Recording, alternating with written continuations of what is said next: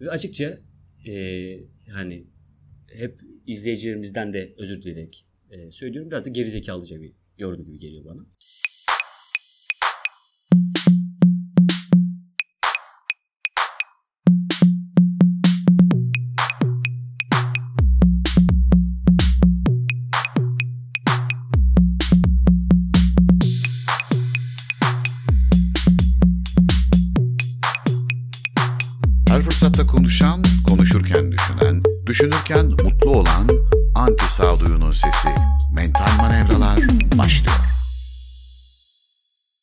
Merhabalar, Mental Manevralara hoş geldiniz. Nasılsınız Emre Hocam?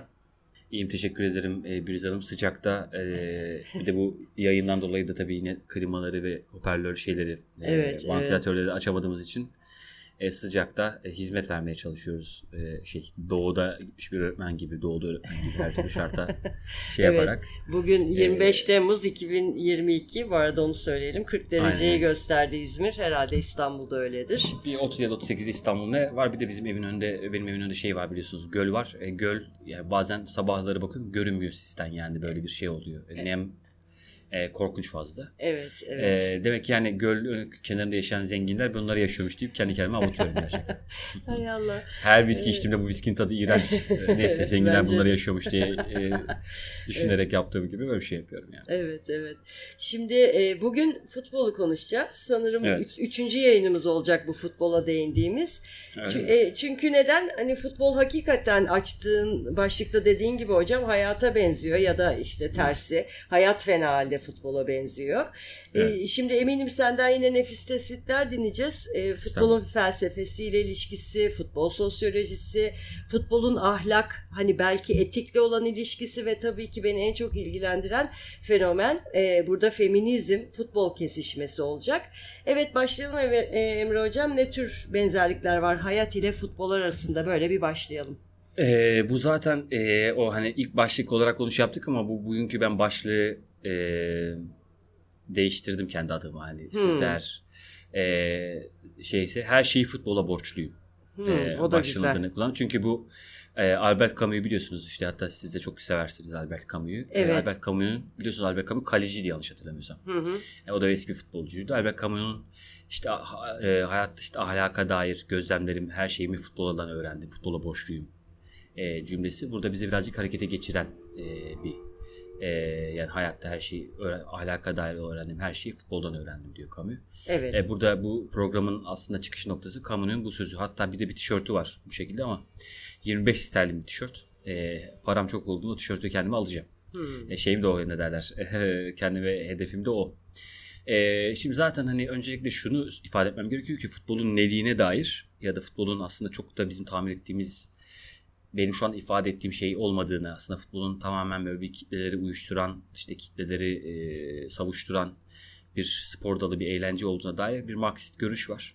Evet. E, tabii ki de her Marksist görüş gibi ben de onu öyle demiyorum ama yani aslında bunun karşısındayım diyelim yani.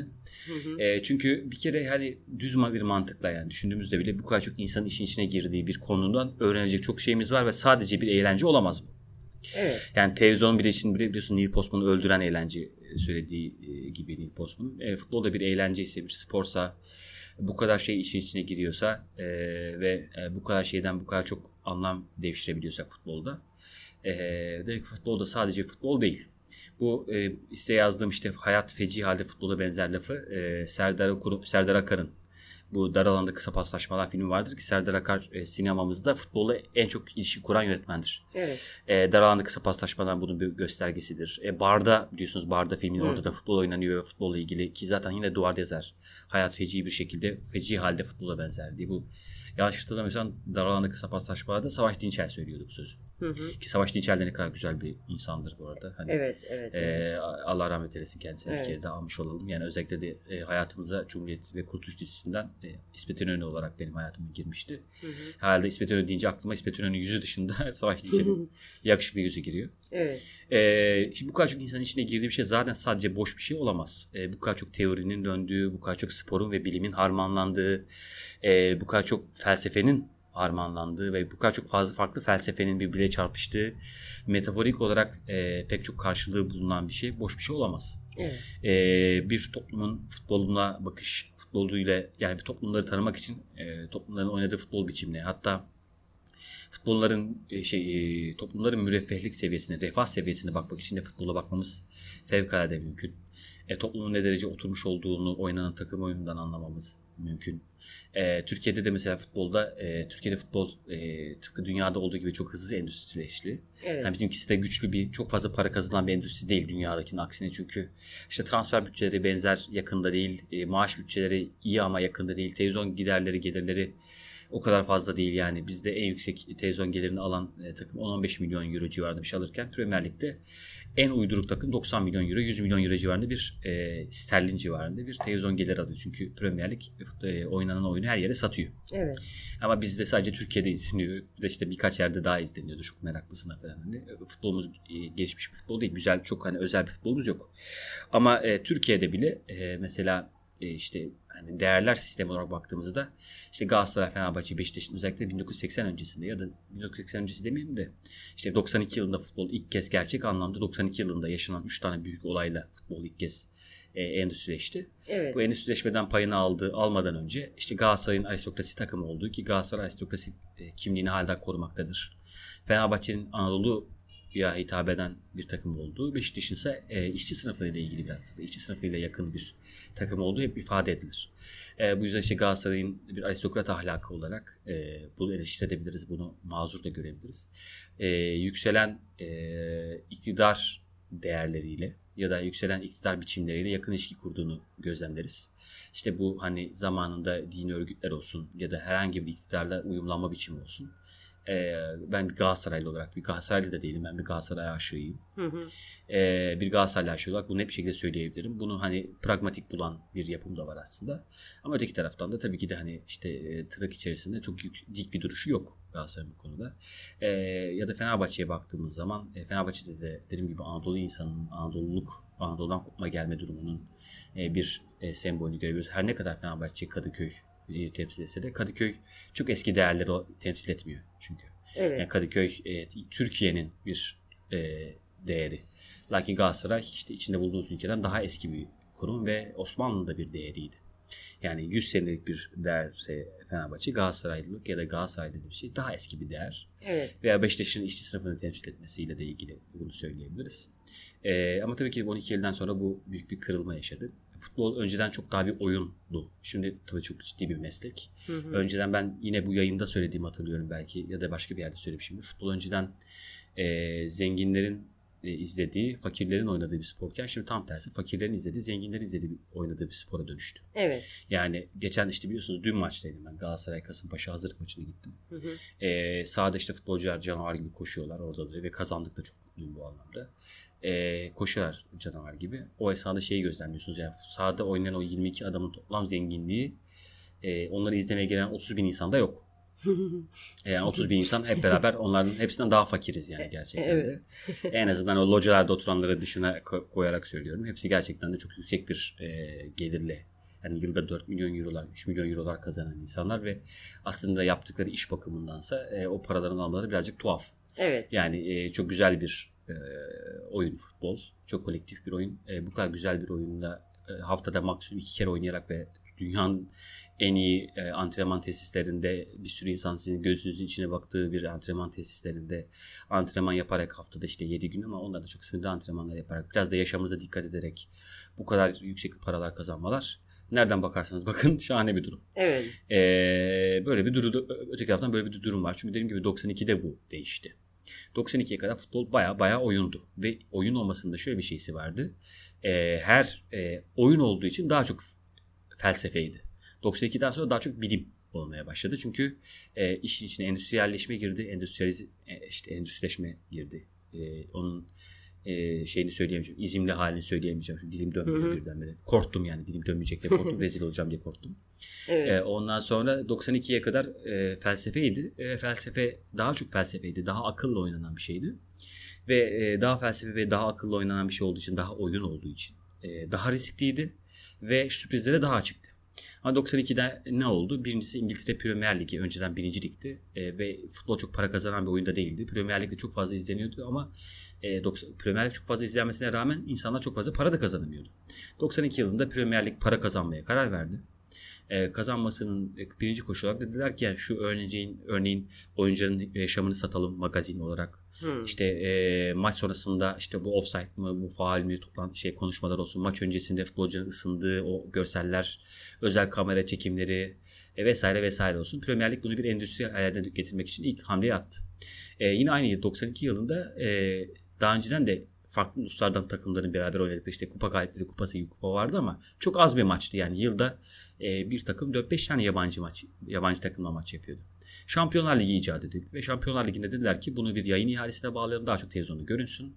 E, bir sürü ülkenin şampiyonu yan yana gelsin ve beraber top oynasınlar. Dolayısıyla buna da Şampiyonlar Ligi olsun. Evet. Aslında bu iki olayı da besleyen bir olay yaşandı ki bu çok güzel bir olaydır. E, Danimarka milli takımı şampiyon oldu Avrupa Şampiyonası'nda 92 yılında çünkü e, Danimarka milli takımı çok iyi bir takım değil. Evet. Çok iyi bir takım olmayan Danimarka takımı Avrupa Şampiyonası'na aslında katılamamıştı ama o aynı sene e, Yugoslavya katılmıştı onların yerine. Ama Yugoslavya e, o esnada dağıldı. Dağılınca takımını şampiyonaya gönderemedi. Böylece şampiyonun tamamlanabilmesi için yani kısacası şampiyonun yapılabilmesi için Danimarka milli takımına katılma hakkı kazandı Danimarka milli takımı. Ve böyle bayağı tatildelermiş Danimarka milli takımı ve e, tatilde sahilden toplamışlar futbolcuları. Hadi şampiyonaya gidiyoruz toplan diye. Sonrasında onlar da şamp- işte hiç hazırlanmamış aslında turnuvaya katılma hakkı da kazanamamış. Sadece böyle bir ekstrem bir durumdan dolayı katılan bir takım olarak Danimarka şampiyonayı e, şampiyon olarak kazandı. E, ve böyle tabii bir olay oldu gerçekten de. Çünkü işte büyük takımların futbolcularını izlemek istiyor ki insanlar e, televizyonda. E, işte Danimarka'nın adı sanı, e, duyulmamış futbolcularını izlemek istemiyorlar. Hücum futbolu izlemek istiyorlar. Defans futbolunu sıkıcı buluyor kitleler. Evet. E, bunların hepsini olunca e, Danimarka şampiyon oldu ve e, Danimarka şöyle bir yemin edildi. Bir daha böyle bir şampiyon olmasın. Hmm. Yani daha çok para kazanalım diye. Bir de böyle bir 2003-2004 sezonunda Porto Şampiyonlar Ligi'nde şampiyon olmuştu. Yine benzer bir yemin edilmişti. Ee, ondan sonra da Şampiyonlar Ligi kurallarını daha dikkatli çekmeye başladılar ve hani asla iki tane büyük takım erkenden karşı karşıya gelmedi. Her zaman büyük takımlarla küçük takımlar karşı karşıya geldiler ki hani e, büyük takımlar finalde işte Messi'yi görelim, Ronaldo'yu görelim. Mevzu evet. bu yani gerçekten evet. de. Evet. Futbol bir e, sporla bir bilimle beraber bir spor olmaya başladı ve içinde bolca yatırımların olduğu, işte yıldızların olduğu, e, insan mühendisliğinin çok yoğun bir şekilde olduğu, e, işte ne bileyim e, insan mühendisliğinin yoğun bir şekilde yapılması için ki futbolun bu getirileridir. Yani kapitalist getirilerden bir tanesidir. Mesela futbol dünyada ırkçılığın azalması konusunda çok ciddi bir e, aşama kat etti ve dünyaya da aşama kat ettirdi. Evet. Yani İtalya'da e, biliyorsunuz hala e, İtalya'da ırkçılık oranı bizdeki gibi falan değil. Korkunç bir ırkçılık var orada ama mesela örneğin 2012 Avrupa Şampiyonası'nda İtalya'dan Balotelli şu anda Türkiye'de oynuyor. Siyahi bir futbolcu İtalya milli takımında oynadı. Hmm. Bunu 20 sene öncesine kadar düşünemezdik bile. Çünkü daha çok felsefenin olduğu yerde, daha çok düşüncenin olduğu yerde düşünsel kalıplar da e, işin içine gelirdi. Ama kapitalizm bundan da para kazanmak gerektiği için düşünsel kalıpları da kendince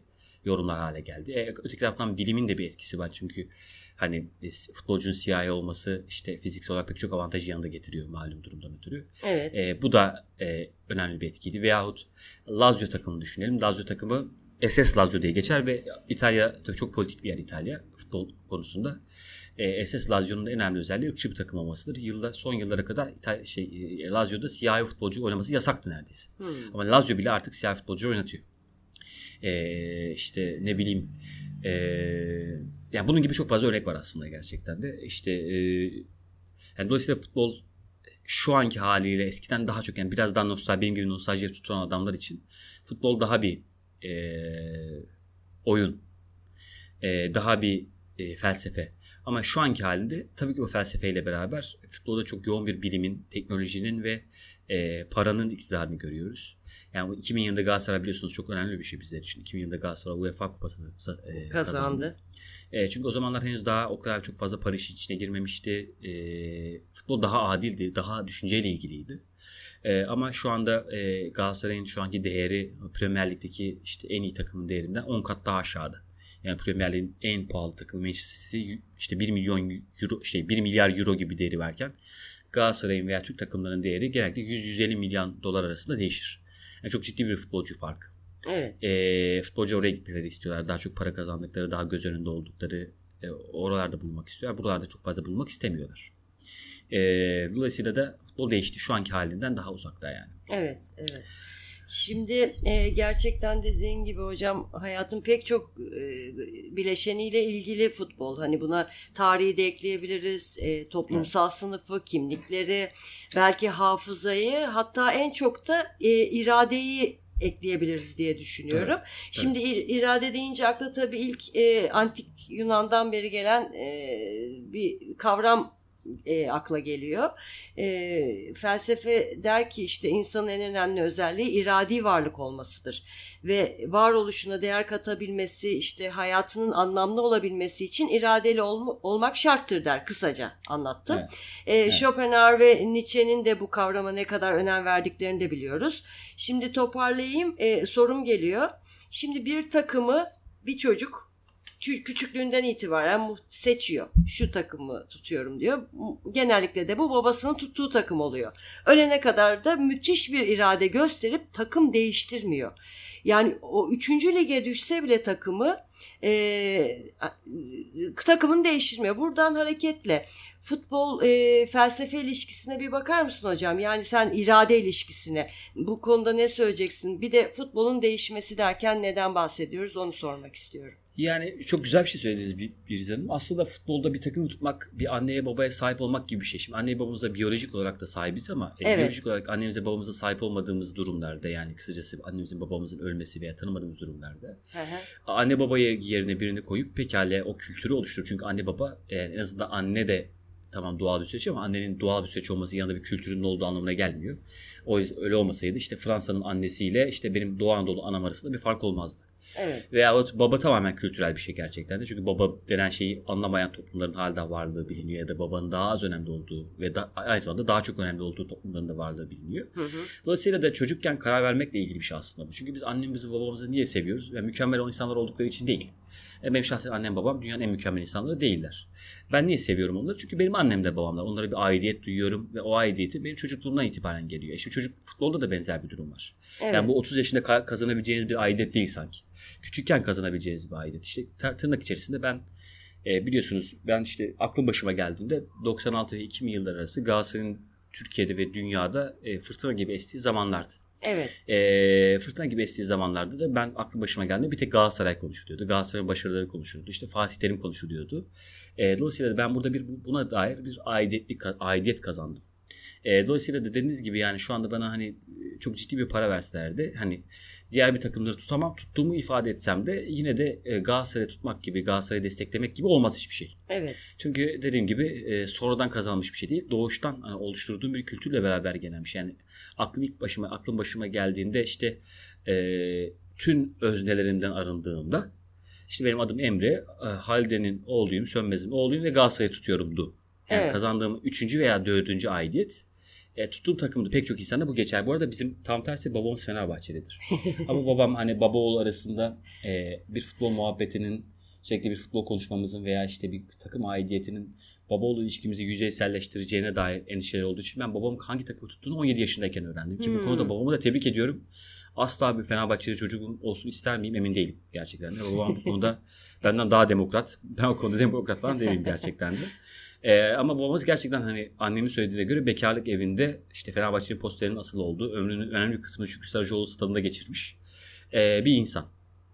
E, bu anlamda bu aidiyetle ilgili bir şey olduğunu söyleyebiliriz. Yani dünyanın işte ben şu an işte doktorum, üniversitede çalışıyorum. İşte sinema ve felsefe doktoruyum. E, doktor olarak aslında ben yani internasyonel bir adamım. Yani dünyanın her yerine gidersem ben yine de doktor, doktor Emre Doğan anılıyor, şekilde anılıyorum. Kendimi çok internasyonel hissettiğim anlarda hep başıma gelir. Mesela bir 25 plakalı araba geçer. Erzurum plakası 25. Dönüp bakarım. Evet. Yani ve şey fark ederim. Yani bu hiç geçmeyecek. Yani Erzurum mükemmel bir yer olduğu için mi? Hatta değil. Erzurum iyi bir yer bile sayılmayabilir. Ama e, o ben oraya ben aidim. Oraya ait hissediyorum kendimi. Veyahut e, İzmir'den bir gün Erzurum'a giderken e, şimdi ben Erzurum'a aidim, aidiyet hissediyorum ama işte İzmir'deki pek çok insan gibi veya burada Kadıköy'deki pek çok insan gibi de, değerlere sahibim. Daha liberal, daha sosyal demokrat değerlere sahibim. Aslında Erzurum'da bu anlamda bir ortaklığım yok. Evet. Ama e, Erzurum'un e, Erzurum'a kalkacak uçak yani tek se- seferde bir Sun Express seferiydi. E, onu da böyle bir aşağı tarafa koymuşlar. Yani şey bir, özel bir oda gibi bir yere almışlar. Biz hani şeyle gideceğiz. Tünelden geçmeyeceğiz ne yazık ki. Evet. Şeyden geçecektik. Otobüse binecektik uçağa binmek için. Aşağı bir indim bir döndüm. E, Erzurum uçağı olduğu çok belli yani insan tipolojisinden. İşte böyle tulum peynirleri, e, işte şey ne derler, e, şey mesli amcalar, dayılar, mesli dayılar.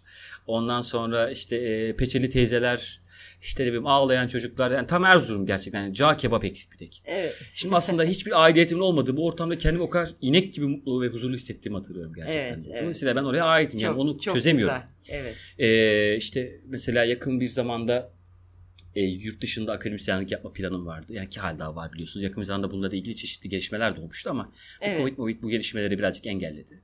Ama ileride gideceğimiz yer sonunda orası. Ee, şey hissettiğimi hatırladığımı düşünüyorum. Yani şu anda hani öyle bir gelişme olmadığı için o duyguya çok giremiyorum ama şey hatırladığımı düşünüyorum. Ya ben yine de e, kendi ana dilimde konuşup da kendi, kendi ana dilimde eğitim veremeyeceğim için galiba üzgünüm. Hmm. Yani onu hissettiğimi düşünüyorum ki Türkçe'de de çok beğendiğim bir dilde değil. Değil mi? Türkiye'den de aşırı derece memnun olduğumu söylenemez ama e, yine de o aidiyet duygusu başka bir şey. Evet. Bu bununla ilgili bir aidiyet. Ee, sorunuzun ikinci kısmına geçersek, futbolun değişmeyle ilgili kısmına gider geçer, geçersek, ee, şimdi top, futbolda tabii ki hala felsefe denilen şey, sosyoloji denen şey çok çok ee, güçlü. Yani sosyoloji örnek olarak mesela Türkiye'nin futbol takımının çok istikrarsız oluşuyla ilgili ilişkilendirebiliriz. Çünkü futbol öncelikle bir ekonomik istikrar ve zihinsel istikrarı yanında getiren bir oyun. E, Türkiye'de futbolun çok güçlendiği zamanlarda oldu. Ama bu da bir istikrar sonucunda e, gerçekleşmişti. Yani 80'lerin sonunda atılmaya başlanan e, o şey bazı şeyler ne derler bazı e, temeller 2000'li yıllarda sonuç verdi. İşte Jupp Derwel Türkiye'ye geldi. E, Jupp Derwel o zamana kadar Galatasaray'ın teknik direktörüydü Jupp Derwel. E, Danimarka milli takımın teknik direktörüydü. Türkiye'ye geldi ve Türkiye'deki futbolun ne kadar çok geri kalmış olduğunu ifade ederek pek çok yeni karar, pek çok yeni kanun çıkardı ki bu aslında Fatih Terim'dir, işte Yılmaz e, Vural'dır, işte Mustafa Denizli'dir hepsi aslında bu Jupp Derwel'in teknik direktörlüğünü görüp de teknik direktör olmaya karar vermiş insanlardır. Evet. Veya işte o futbolculuk olarak da öyledir. Sonrasında bu istikrarlı bir şekilde devam ettirildi. E, Türkiye 96 yılında ilk kez Avrupa Şampiyonası kazandı. E, ka- katıldı. 2000 yılında Avrupa Şampiyonası'na katıldı. 2000 yılında Galatasaray hem Süper Kupayı aldı hem e, UEFA Kupası'nı aldı. 2002 yılında Dünya üçüncüsü olduk biliyorsunuz. 2003'te Konfederasyon Kupası'nda üçüncü olduk. O jenerasyon bitti. Biz tabii o ara inanılmaz toplumsal olarak inanılmaz bir kibre sahiptik. Yani Avrupa Avrupa duy sesimizden tutun da işte biliyorsunuz. Evet. İşte bir de o arada şey de olmuştu. Sertab Erener de e, Eurovision şarkı yarışmasını Hmm. kazanmıştı 2003 yılında yine. Evet. Artık hani biz de Avrupa'dayız. Avrupa Birliği gelsin bizi onlar onlar bize girsin biz onlara girmeyelim. Ee, öyle bir coşmuştuk gerçekten ama tabii ki de e, bir zihniyet problemi olarak bilimsel düşünmekten veyahut e, mantıklı e, neden sonuç ilişkileri kurmaktan daha Uzak. çok duygusal Evet. uzak bir toplum olduğu için daha çok duygusal düşündüğümüz iddia edilerek ben yeterince duygusal olduğumuzu da düşünmüyorum. Hı hı. Duygusal düşünen bir toplum olduğumuz için o esnaya kadar bu sonuçları veren şeyin ne olduğunu, neyi doğru yaptığımızı tespit etmediğimizden dolayı Düşü- Yaptığımız şeyi devam düşünen bir ederken- toplum olmadığımız için hatta. olmadığımızdan dolayı aynen öyle. Dolayısıyla da neyi doğru yaptık da biz şu anda e, biz başarılı olduk. Bunun hesabını da yapmadığımız için. E, dolayısıyla da yaptığımız şeyi yapmaya devam ederiz. Artık biz burada kaldık diye düşündüğümüz için de sürekli olarak. Evet. E, çok fena bir şekilde tosladık. Ve futbolumuz geriye gitmeye başladı. Mesela Alman milli takımını ele alalım. Alman milli takımı dünyanın en istikrarlı milli takımıdır. Evet. E, zaten hani Alman kültürünün bir parçası biliyorsunuz istikrar ve disiplin. Hı hı. E, Bu da mesela genellikle ben e, başka türlü şeylerle açıklanır. Alman ruh, işte haleti ruhiyesiyle, zihniyet dünyasıyla açıklanır ama sadece bu olamaz. E, nedir Alman e, milli takım aslında yan yana gelmesinin, bu kadar, bu kadar başarılı olmasının sebebi? E, birincisi Alman milli takımı bir rasyonel, Almanya tabii ki rasyonelite yani gerçekten de. Rasyonelitenin bir çıktısı olarak Almanya zamandaki o ırkçı eğilimlerini e, işte tepe takla ettirecek şekilde çok fazla yurt dışından futbolcu oynatır. Yani Ganalı bir futbolcu Alman milli takımda oynar mesela. Bizim yerli Türk futbolcu işte Mesut Özil'den tutun da e, şeye kadar e, neydi onun adı? İşte İlkay Gündoğan'a kadar ki bu 50 sene önce 60 sene önce bu düşünülemezdi bile biliyorsunuz Almanya için. Tabii. Onlar oynuyor. E, Ganalı futbolcu var oynuyor. Polonyalılar oynuyor. İşte ne bileyim e, muhtemelen e, hiç bakmadım ama aralarında Yahudi de vardır. Onlar da oynuyordur belki de. Hani, ya da en azından Yahudi asıllı vardır. Onlar da oynuyordur. Kısacası Alman milli takımı e, e, şey hem genetik olarak hem de e, mevkisel olarak kendi analizini yapmış ve ne konuda eksik olduğunu e, ve o neleri çıkarıp neleri çıkaramayacağını, neleri inşa edip neleri inşa edemeyeceğini tahmin ortaya çıkararak bazı e, ithalatlar, ihracatlar yapmış ve e, yabancı futbolcu da oynatıyor. Öteki taraftan biliyorsunuz bir toplumun ger- refah bir to- refah yani gelişmiş ekonomik olarak gelişmiş toplum olduğunu anlamanın en iyi yönü orta sınıftır. Evet. E, hatta bununla ilgili bu üçgen silindir teorileri de vardır. Yani işte o silindirin ortası biraz daha genişse orta sınıf daha fazla demektir. Toplumun orta sınıfı ne kadar fazlaysa ve orta sınıfın müreffehlik durumu ne kadar iyiyse toplum aslında o kadar gelişmiştir. Evet. Mesela Alman milli takımında futbolcunun hemen hemen hepsinin saç modeli aynıdır. Çünkü hepsi e, orta sınıfa ait çocuklar. Orta sınıfta dediğim yani bizdeki orta sınıf. Şu an mesela ben orta sınıfım ama işte bir sürü borcum var. E, orta sınıf değilim aslında yani. E, çünkü orta sınıf yok bizde şu anda zaten. E, o çocuklar orta sınıfa ait çocuklar. E, orta sınıfa ait oldukları için isimleri benziyor. Orta sınıfa ait oldukları için sevinç biçimleri benziyor. Orta sınıfa ait oldukları için saç larını kesme biçimleri de benziyor. Evet. Çünkü şey değiller. Yani birisi zengin çocuğu, ötekisi fakir çocuğu öyle bir durum değil. Yani bu 92'den önce futbol biraz daha oyunken mesela Brezilya'nın çok daha başarılı olduğu, Güney Amerika'nın çok daha başarılı olduğu bir durumdu. Çünkü o zaman bir oyundu futbol. Ee, daha çok yaratıcılık vardı. Daha az disiplin vardı. Ee, ve o, o Brezilya'daki, Arjantin'deki insanların da futbol denilen oyuna doğal bir yeteneği olduğu için böyle bir kültür de zamanda oluştuğu için onlar kazanıyorlardı. Ama futbol ne zaman ki iş, işine para girdi? Çünkü en son Dünya Kupası'nın 2002 Dünya Kupası'nda Brezilya, ondan sonra Güney Amerika'dan herhangi bir takım Dünya Kupası'nı kazanamadı. Evet. Yani en yakınlaşan takım Arjantin'di. Ee, ama o da Messi ile de birazcık ilgili tabii. 2014'te yakınlaştı. Hı hı. Yani Messi bu anlamda geçen programda dediğim türünün son örneği. Yani futbolun daha az para olduğu bir evrenin son örneği aslında Messi. Birazcık da bu yüzden seviyoruz. Evet. Yani çünkü futbolun parayla daha az ilişkili olduğu dönemlerde oynanan bir oyuna yakın bir oyun oynuyor Messi. Ee, o yüzden seviyoruz. Aslında Messi de Paris Saint Germain isimli Arap yatırımcıların şey yaptı. Takımda oynuyor şu anda. Barcelona'da oynamıyor ama Barcelona'ya giderken hüngür hüngür ağlayan e, Barcelona'nın felsefesini işte bu e, Katalanlık işte ne bileyim e, işte demokratik özellik mevzunu tamamen bir Arjantinli olmasına rağmen tamamen özümsemiş bir insandı. Dolayısıyla da futbolun biraz daha geleneksel değerlerini temsil eden en azından onları hatırlatan bir yapıdaydı. Ama dediğim gibi bu birazcık orta sınıf olmakla da ilgili bir şeydir. Aynı zamanda rasyonelite dediğim şeyle ilgili futbol. Yani rasyonelite dediğim şey nedir? Sadece dediğim gibi istikrar da değil. Tabii ki bu istikrar çok çok önemli bir şey. Ama rasyonelite e, bir böyle defteri açıp önüne bakabilme, kendini hesaplaşabilme gücünü de insana veriyor. Evet. Yani İzlanda'nın nüfusu benim bildiğim kadarıyla 300 bin 400 bin civarında bir nüfusu var. Yani İzlanda Türkiye'nin bir orta alt kadar bir şehri kadar. Yani şu anda e, belki hatta siz bakabilirsiniz ben konuştuğum için doğru mu hatırlıyorum nüfusu diye. Lakin İzlanda'nın e, işte e, hem içinde bulunduğu genetik yapı hem de kültürel durumdan ötürü hem de e, bizim gibi çeşitli kültürel e, yerlere, kültürel e, dünyalara yakın bir toplum olmamasından, bir ada olmasından dolayı İzlanda'daki oyuncu tipi, futbolcu tipi çok birbirine benzer insanlar. Yani zaten hepsi sarı, sarışın.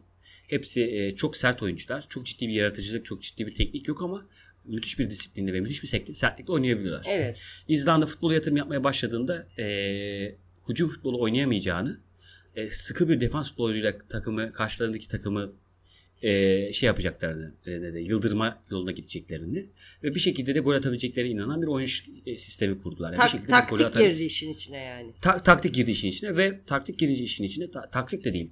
Taktiğin inşa et, zihniyetin inşa ettiği bir genel taktik girdi. Hmm. Yani maç taktik, taktiği değil bu. Evet. Onların oyunu o hale geldi. Oyunu o hale gelince aslında son derece sıkıcı gibi görünen o defans futbolu toplum kabul etti. Yani biz başka türlü oynayamıyoruz. Başka türlü başarılı olamayız. Yani birazcık e, hücumcu oynamaya kalksak e, gelen geçen bize 10 atıyor yani. E, ve bu şekilde düşünerek İzlanda e, Avrupa Şampiyonası'nda çeyrek finale çıktı. Bizi defalarca yendi. E, ve böyle şey ne derler hani kibirle kendisi endüstriyel bir kibirle e, emperyalist bir kibirle kendisine bakan tüm takımları tüm önemli takımları çok ciddi oranda mahcup etti. Ve hani kazandılar. Şimdi bu bir rasyonelite göstergesidir. Veyahut e, işte e, Jürgen Klopp işte şu anda dünyanın en önemli teknik direktörlerinden bir tanesi Jürgen Klopp. Liverpool teknik direktörü. Evet. E, çok çok özel bir insan kendisi gerçekten de. E, oynadığı oyun adı da Gegenpress. Yani çok yoğun bir pres, bir karşı presle topu almakla ilgili bir oyun. Lakin bu Gegenpress şu anda Liverpool tabii dünyanın en iyi takımlarından bir tanesi. Çok zengin bir takım. Bir sürü futbolcuları var. Bir transfer 70-80 milyon euro harcayabiliyorlar ama bu oyun biçimi e, Liverpool'un e, çok pahalı bir oyun biçimi olması, e, çok pahalı bir takım olmasını icat edemedi. Jurgen Klopp bu oyun biçimini daha o zamanlar Mainz ismini verdiğimiz bir takımda e, işte Almanya'da bir takımında icat etti. Çünkü Jurgen Klopp Mainz takımına gittiğinde ilk şeyi fark ediyor. Ya bu takım e, teknik olarak çok kuvvetli bir takım değil. E, bu takım kaleciden başlayarak topu ileriye kadar götüremiyor. O kadar sık paslaşamıyor, o kadar yoğun bir şekilde paslaşamıyor. Bir yerde topu kaybediyor.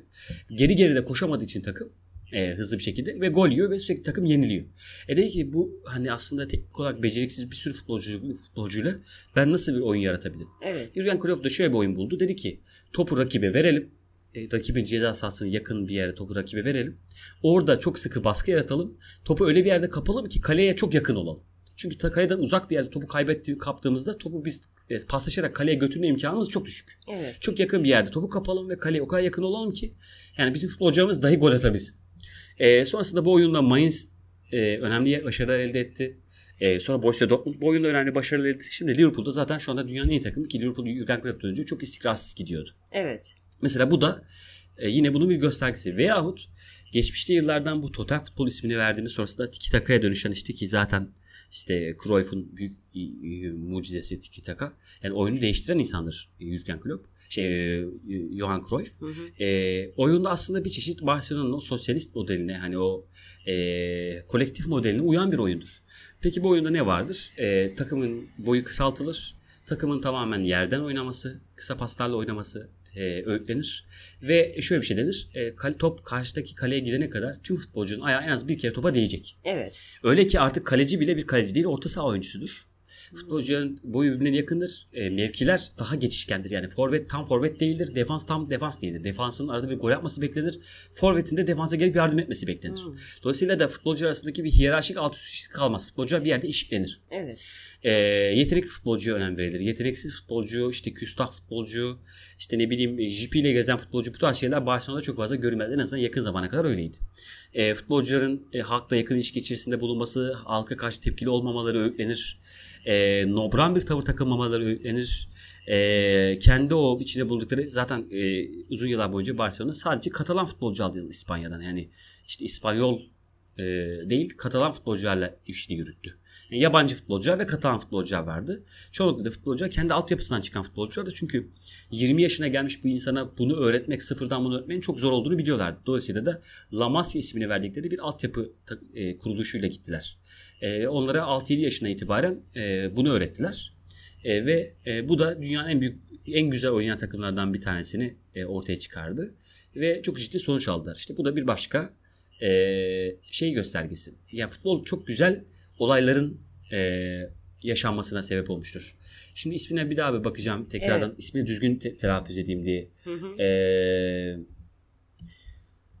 mesela Arthur Friedrich Reich. Arthur Fre- Friedenreich. Hmm. Arthur Friedrich Friedenreich. Bir Alman e, e, e, şey Alman bir baba siyahi Brezilyalı bir annenin e, çocuğudur e, Arthur. Evet. E, Brezilya bir takımda forvette e, oynamıştır. Arthur e, Arthur'un özelliği şudur. Arthur e, teni ten rengi e, böyle siyahla beyaz arasında bir ten rengi vardır. Çünkü bir melez olduğu için. Lakin saçları kıvır kıvırdır ama o zamanlar siyahilerin futbol oynaması e, yasak olduğu için Brezilya'nın o işte 30'lu yıllarda 40'lı yıllarda siyahilerin işte 10'lu yıllarda 20'li yıllarda siyahilerin futbol oynaması yasak olduğu için Brezilya'da saçlarına pirinç lapası sürülmüş ve o kıvırcıklık gitsin yani siyahi olduğu anlaşılmasın. Ee, öyle bir ortamda gelmiş ve tabii ki de mükemmel bir oyuncu. O kadar mükemmel bir oyuncu ki e, attığı gollerin çoğusu siyahi olmasından dolayı sayılmamasına rağmen 1300'e yakın gol atmış kariyerinde. Arthur'un e, bu oyunu şöyle bir algı yapmış. Ya bu siyahiler de top oynamayı biliyor. Hı. E, bunları da oynatabiliriz biz yani. Çünkü olumlu sonuç alıyoruz Arthur'dan dolayı. Sonrasında e, şey yapmışlar işte abi, siyahilere de futbol oynatmaya başlayalım demişler ve siyahiler futbol oynamaya başlamış ama tabii ki bundan sözleşme imzalaması durumu var ama çoğusu okuma yazma bile bilmiyor. Çoğusunun soyadı dahi yok. Evet. Okuma yazma bilmiyor. Bu yüzden siyahi Brezilya futbolculara genellikle e, içinde bulundukları şehirlerin veya basit isimler vermişler. Santos gibi, Souza gibi basit soy isimleriyle beraber vermişler ve bunlara işte imza atmayı öğretmişler. Yani bu yüzden birçok Brezilya futbolcunun soyadı Santos'tur. İşte Alex de Souza gibi Souza, Souza'dır. Kısacası futbolcuların hürri- hüviyetini almalıklarını, hürriyetini almalıklarında futbol çok ciddi bir e, özgürleştirici bir işlev kazanmış. Evet. Sonrasında bir siyah futbolcular canavar gibi oynuyorlar ama tabii siyah futbolcular tekme tokat giriyorlar ve hakem yani 10 faalden birini falan çalıyor. Çünkü yani siyahlar halde toplumda futbol oynasalar da yeterince güçlü değiller. Hala daha bir ikinci sınıf insan muamelesi görüyorlar vesaire. Siyah futbolcular o çok sert girilen, tekme tokat girilen siyah futbolcular beyaz futbolcuların tekmesinden kaçırmak için çalım atmayı icat etmişler. Yani öyle bir hareket yapalım ki Evet. futbolcudan kurtulalım. Ee, hızla geçelim yanlarından. Tekme yemekten kurtulalım ve bu sayede çalım atmak hayatımıza girmiş. Evet. Yani futbol bu kadar enteresan, bu kadar birbirinden güzel bir oyun ve dünyanın e, şeyde e, ırkçılıktan kasıp kavrulduğu yıllarda Evet. hala herkesin e, temsil ettiği söylediği şey Pele'nin yani bir siyahi olan Pele'nin e, dünyanın en iyi oyuncusu olduğuydu. Şu an işte Messi mi Ronaldo mu konuşuluyor ama Evet. şu anda o, o kafa kalmadı bizde. Çünkü şu anda bir siyah futbolcu dünyanın en iyi futbolcusu olsa hakkını veririz. Evet. Ama evet. o zamanlar o hakkı vermek çok çok ciddi bir şeydi. Futbolu bu kadar çok seven insanın yanında. Evet. E, bu, bu kadar da güzel şeyleri e, ne derler e, sebep olmuş bir oyundur futbol. E, ve dolayısıyla da işte işin içinde aklın girmesi. Örneğin işte isminden bahsedemeyeceğiz. Bir diğer isminden bahsetmemiz gereken insan işte başka bir ekolü temsil eden insan. Jose Mourinho'dan e, bahsedebiliriz. Jose Mourinho'yu zaten ismen de duymuşsunuzdur diye tahmin Duydum. ediyorum. Jose Mourinho e, dünyanın e, en önemli teknik kurslarından birine gidiyor. Yani kurs dediğim bir kurs değil de Barcelona'da e, çalışıyor. Evet. Barcelona'da az önce söylediğim gibi o işte paslaşma, göze inanılmaz derece güzel görünen oyun, bir hücum oyunu, işte tiki taka, total futbol dediğimiz oyun. Ve defans oyuncuları defans değil, tam olarak ofans oyuncuları ofans değil. E, Herkesin gittiği kursta herkes aynı ders almışken Mourinho bambaşka bir ders oluyor ve dünyaya bambaşka bir oyunla çıktı geldi. Hmm. Nedir bu oyun? Negatif futbol. Hmm. Yani futbolu hiç futbola benzemiyor Mourinho. Yani o kadar savunma ağırlıkta hatta bir deyim de var. Parking the bus diye kalenin önüne otobüs çekmek yani. Ee, karşıdaki takım, takıma o kadar futbola az benzeyen bir şeyle e, savunma yapılıyor ki karşıdaki takım hani ne kadar çok topa sahip olursa olsun ne kadar çok gol fırsatı yakalarsa yakalasın gol atamıyor. Lakin Mourinho diyor ki yani futbol diyor görsel olarak güzel olmak zorunda değil. Futbolcu sonunda kazandığımızda taraftar mutlu olur. Taraftarın mutlu olmasıysa yeterlidir diyor. Evet. Ve, e, ve, ve kazanabilmem için de diyor karşıdaki takımdan bir gol atmam fazla atmam yeterli. Yani rakibi 3-0 yenme 4-0 yenmeme gerek yok. 2-1 yenebilirim, 1-0 yenebilirim, 5-4 yenebilirim. E, mesele e, negatif futbol oynamak. Bu da e, depends yani duruma göre değişir. Yani karşıdaki takım çok zayıfsa bunu ben e, değiştirebilirim. Yani sürekli benim bir genel taktiğim olmamalı. Duruma göre şekil almalıyım. Ama çoğunlukla da e, kapalı bir defans futbolu oynatmalıyım. E, bu da e, çok yıllar boyunca kendini gösteren bir futboldu. Lakin bu da artık eskidi. Çünkü insan tipolojisi değişti. 2000 yılların başında bu oyun oynanırken Mourinho için e, resmen cehenneme gidecek, Mourinho için ölecek bir sürü futbolcusu vardı. İşte bunlar böyle şey, tekmeye kafa atan tipler. Evet. Ama e, nasıl ki Z jenerasyonu futbol oynamaya başladı. 98'ler 99'lar futbol oyuncu olarak oynamaya başladılar. Bu sefer ne oldu? Futbolcular bireyleşti. Kimse kimse için ölür hale gelmedi. Evet. Yani Mourinho için ölecek, kendini öldürecek, kırmızı kart görecek, kendi sağlığını hiçe sayacak o adanmış topluluk yerine bireyci düşünen, biri hareket eden Z kuşağı futbol oynamaya başladı ve Mourinho'nun oyunu birdenbire zayıf bir oyun gibi görünmeye başladı ki Mourinho da kariyere düşüşe geçti. Evet. Ve Mourinho da tabii ki de yani en önemli hocaların biliyorsunuz en önemli özellikleri kendi yöntemlerinin esiri olmalarıdır. E, Mourinho da kendi yöntemlerinin esiri bir adam. E, oyunu değiştirmek, dönüştürmekten gibi derdi de olmadı. E, ve şu anda oyunu daha e, yani yine çok beğeniyorum da ve yine de iyi bir yerde şu anda İtalya'da Roma'yı çalıştırıyor. Ama eskiki o görkemi, eski o başarısı falan hiçbir şey kalmadı. Çünkü kendisi için e, neredeyse cinayet işleyecek adanmış müritleri yok artık Mourinho. Çünkü artık mürit yok. Evet. Evet. Evet. Aynı şey işte Fatih Hoca için de geçerli. Onun da müritleri yok. Fatih Hoca da çünkü mürit arayan bir oyun e, la oynuyordu. Onun da artık müritleri yok. O yüzden o da artık başarılı değil ve işte artık Galatasaray'ın başında bile değil ki bu benim için oldukça enteresan bir deneyim. Çünkü işte ömrümü gözümü açtım Fatih Terim var. Hala geçen seneye kadar hala Fatih Terim vardı. E, biz onunla doğduk, onunla büyüdük. Futbolu onunla sevdik sağ olsun.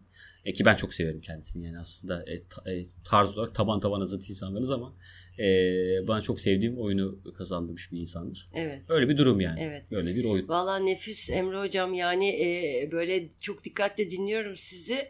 E, bence televizyonda falan futbol programı yapmalısınız. Bu kadar bilgi bütün dünyadan işte e, inanılmaz şaşkınım şu anda. Yani çok teşekkür Evet, ederim. Ben vallahi- aslında bu anlattıklarımdan daha da e, işi ko- koyulaştırabilirim ama şimdi Evet. dakikayı hani 36 Evet, şimdi 37'de işte görüyorum. ben de onu öyle gördüm. Aynen E, Ama hiç canım da istemiyor öteki taraftan da yani. Öteki taraftan da dediğim gibi canım hep e, konuşmak istiyor. Mesela buna bir örnek olarak az önce bahsettiğimiz o rasyoneliteye bir örnek olarak son bir örnek daha verebilirim bence. Bence e, ör- örneği verin çünkü daha ko- konuyla ilgili konuşacaklarımız var. Futbol ve ahlak bence biraz din, din dine girelim çünkü bu taraftarlık meselesi hani bu kadar değişmezlik sanki Tabii. dinini değiştirmiyormuşsun tabii, gibi. Tabii tabii. Ondan sonra erkek egemen futboldan bahsedelim, feminizmden. Ben e, siz şey akışa yazmamışsınız ama e, psikolojisinden de bahsetmek istiyorum. Bu toplu narsizm görüyoruz çünkü çoğu taraftarlarda. E, Evet. Yani şu son e, cümlelerinizle bence bitirelim. İkinci bir yayın yapalım. İki bölüm olsun Öyle yani bu tabii. Tamamdır, Çünkü, iki- çünkü iki daha çok olsun. konuşacağımız konu var. Ee, şey diyecektim. Rasyoneliteye bir başka örnek olarak Evet. e, Yunanistan milli takımına örnek verecektim. Şimdi Yunanistan milli takımında bir tıpkı bizim gibi çok iyi oynamayan ki yani biliyorsunuz Yunanistan Avrupa Birliği'nin bir üyesi. E, futbolcuların çoğusu Hristiyan aslında Avrupa Birliği ile ve Avrupa kültürüyle bizde daha yakınlar bize göre. Kesinlikle. Ama e, Yunanistan milli takımı aslında yaşam biçimi olarak da çok disiplinli oynadığını düşünmediğimiz bir toplum olması gerekir Yunanistan. Çünkü biliyorsunuz Akdeniz toplumu Yunanistan. Evet. Daha çok yani Yunanistan toplumunu aşağı yukarı e, şey yapabiliyoruz yani işte ekonomileri de tıpkı bizim gibi batık Evet, yani evet, gerçekten evet, de ama aynen. Yunanistan milli takımı yıllardır e, işte e, hem zaten Yunanistan'ın nüfusu da çok az oldu. Çok düşük bir nüfus var Yunanistan. Yani İstanbul kadar bir nüfusu yok Yunanistan biliyorsunuz. Hı hı. Dolayısıyla da Yunanistan'da sürekli olarak bir futbolcu e, sirkülasyonu olmuyor. Evet. E, Futbolcu sirkülasyonu olmadığı için her futbolcuyu 35-40 yaşına kadar oynatmak zorundalar çünkü yerine koyacak futbolcu yok. Hmm. Ama bu 35-40 yaşı arasındaki futbolcularda da hücum oyununu yani çok koşmanız, çok pres yapmanız gereken bir oyun oynamanız imkanı yok. E, dolayısıyla Yunanistan 2004 yılında e, çok sert bir defansif oyunda karşımıza çıktı bizim. Çok sert bir defansif oyun. İnanılmaz sıkıcı e, ama defansif oyun olmasının da özelliği çok tecrübeli de bir takım tabii ki de. Dolayısıyla da bu defansif oyun yeterli. Çünkü hücumu bir şekilde satın alabiliyorsunuz ama defans için tecrübeye ihtiyacınız var. Sakin kalmaya ihtiyacınız var. Yani Mourinho'nun bile söylediği hücum e, maçı kazandırıyor ama defans size kupayı kazandırıyor. Evet. E, ve e, aslında büyük bir şokla 2004 Avrupa Şampiyonası Yunanistan şampiyon oldu. Hmm.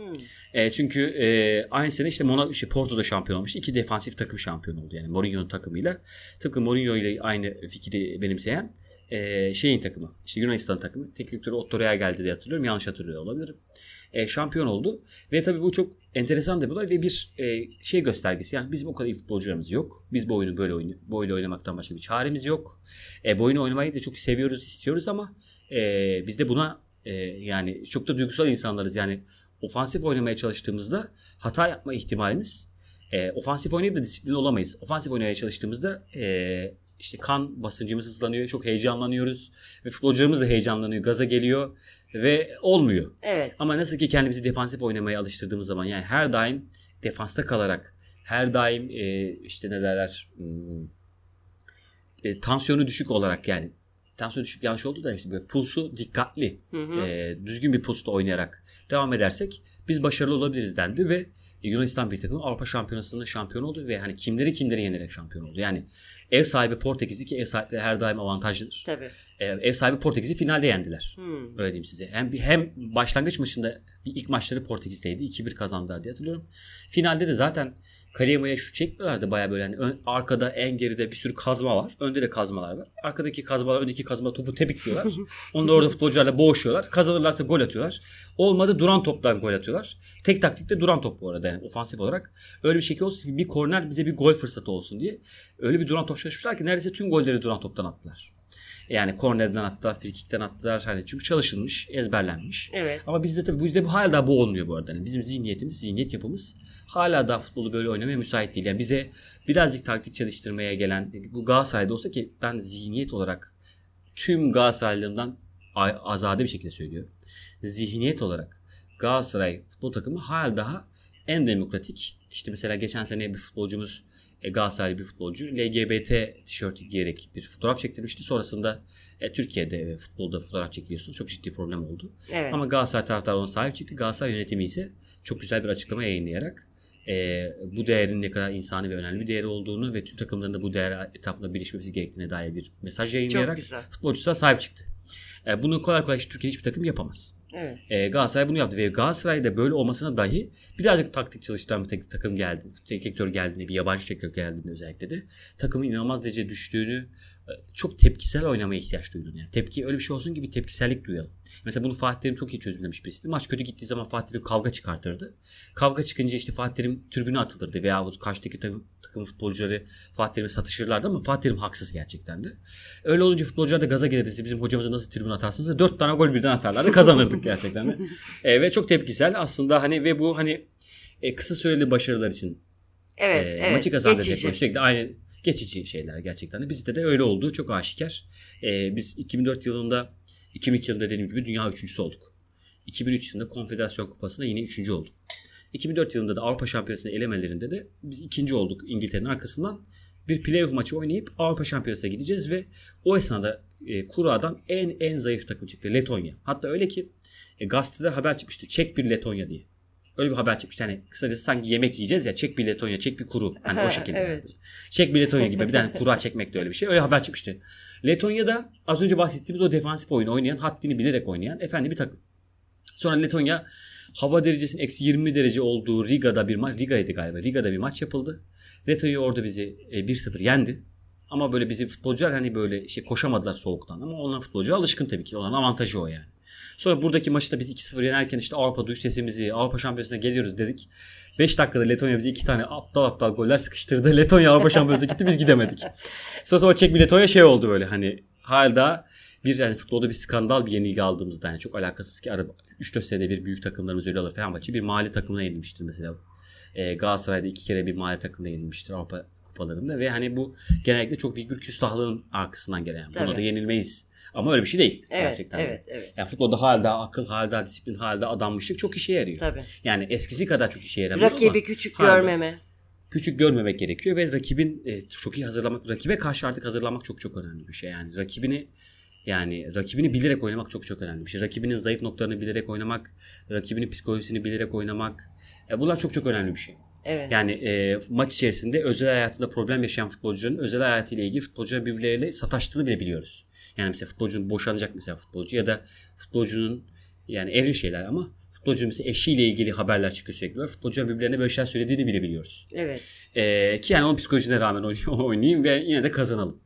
E, dolayısıyla da e, bu güzel oyun çok fazla bir sürü şey öğretiyor gördüğünüz gibi yani. İns- ahlaka dair, işte ikili ilişkilere dair, işte ne bileyim e, bir de çok romantik de bir oyun. E, romantizme de dair. Evet. Evet. E, evet. Gerçi ne kadar ders çıkardığım konusunda e, şüphelerim var ama Hı hı. olsun. E, çok fazla şey öğretti, öğretildi futboldan da. E, ben hani bu yüzden tutarlılık olarak hani bitirelim bu yayını diye tutarlılık olarak şunu söyleyebilirim ki e, futbolun bir kitleri uyuşturan bir şey olduğuna dair görüş çok ilkel, çok indirgemeci ve açıkça e, hani hep izleyicilerimizden de özür dileyerek e, söylüyorum. Biraz da gerizekalıca bir yorum gibi geliyor bana. Evet. Çünkü bu kadar çok insanın içine girdiği, bu kadar çok kültürün içine girdiği, bu kadar çok kültürü tanıma fırsatı bulduğunuz bir şey nasıl uyuşturabilir? Yani her şeyi insan uyuşturabilir. Ben klimanın önünde durarak da uyuşturabilirim. Evet. Veyahut e, sigara kullanıyorum. Sigara benim için bir uyuşturucu etkisi de görebilir. Yemek yemek de benim için bir uyuşturucu olabilir. Evet. Akademisyenlik yapmak da benim için bir uyuşturucu olabilir. Bir şeye nasıl, bir şeyin ne kadar çok akılcı olduğu değil. Ona ne kadar çok akılcı baktığınız o şeyin e, içeriğini belirler, ne, ne olduğunu belirler. Hı hı. Dolayısıyla da futbolda böyle bir bakış attığınız zaman futbolcu hakkında makale, futbol hakkında makaleler yazıldığı, hayata dair, ahlaka dair kamunun dediği pek çok şey öğrendiniz. Çok güzel bir oyuna dönüşüyor. Bu şekilde bakmakta fayda var diye düşünüyorum. Evet kesinlikle. Bir bağımlılık çoğu insan için ama güzel bir bağımlılık. Ee, o şey... Evet, bağımlılık ama kontrol edemeyeceğiniz bir bağımlılık değil. Evet, yani. evet, evet. Güzel bir bağımlılık. O zaman öyle bir Yani şu kadar kontrol edemedim ama Yani. e, edebilirim istersen bence düşünüyorum. Evet. Ben hani sosyal içiciyim yani futbol konusunda birazcık öyle. Evet, evet, evet. Tamam o zaman e, kapatıyoruz Emre Hocam. Bizi dinlediğiniz Evet. için teşekkür ederiz. Çok çok Yeni bir teşekkür ederiz. e, ikinci bölümü yapacağız. Yine aynı başlık altında. E, Evet. Teşekkür. Part 2. Evet, aynen Part 2. Teşekkür ederiz. Çok Hoşçakalın. teşekkür ederiz. Çok sağ olun. Hoşçakalın. Saygılar. Sağ olun. Saygılar.